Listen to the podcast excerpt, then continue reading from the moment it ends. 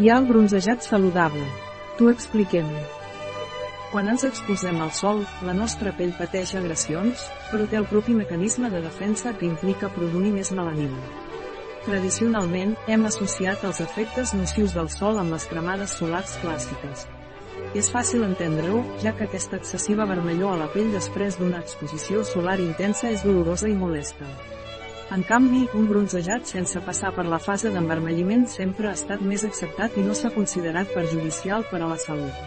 A més a més, aquest bronzejat s'associa amb una aparença física saludable.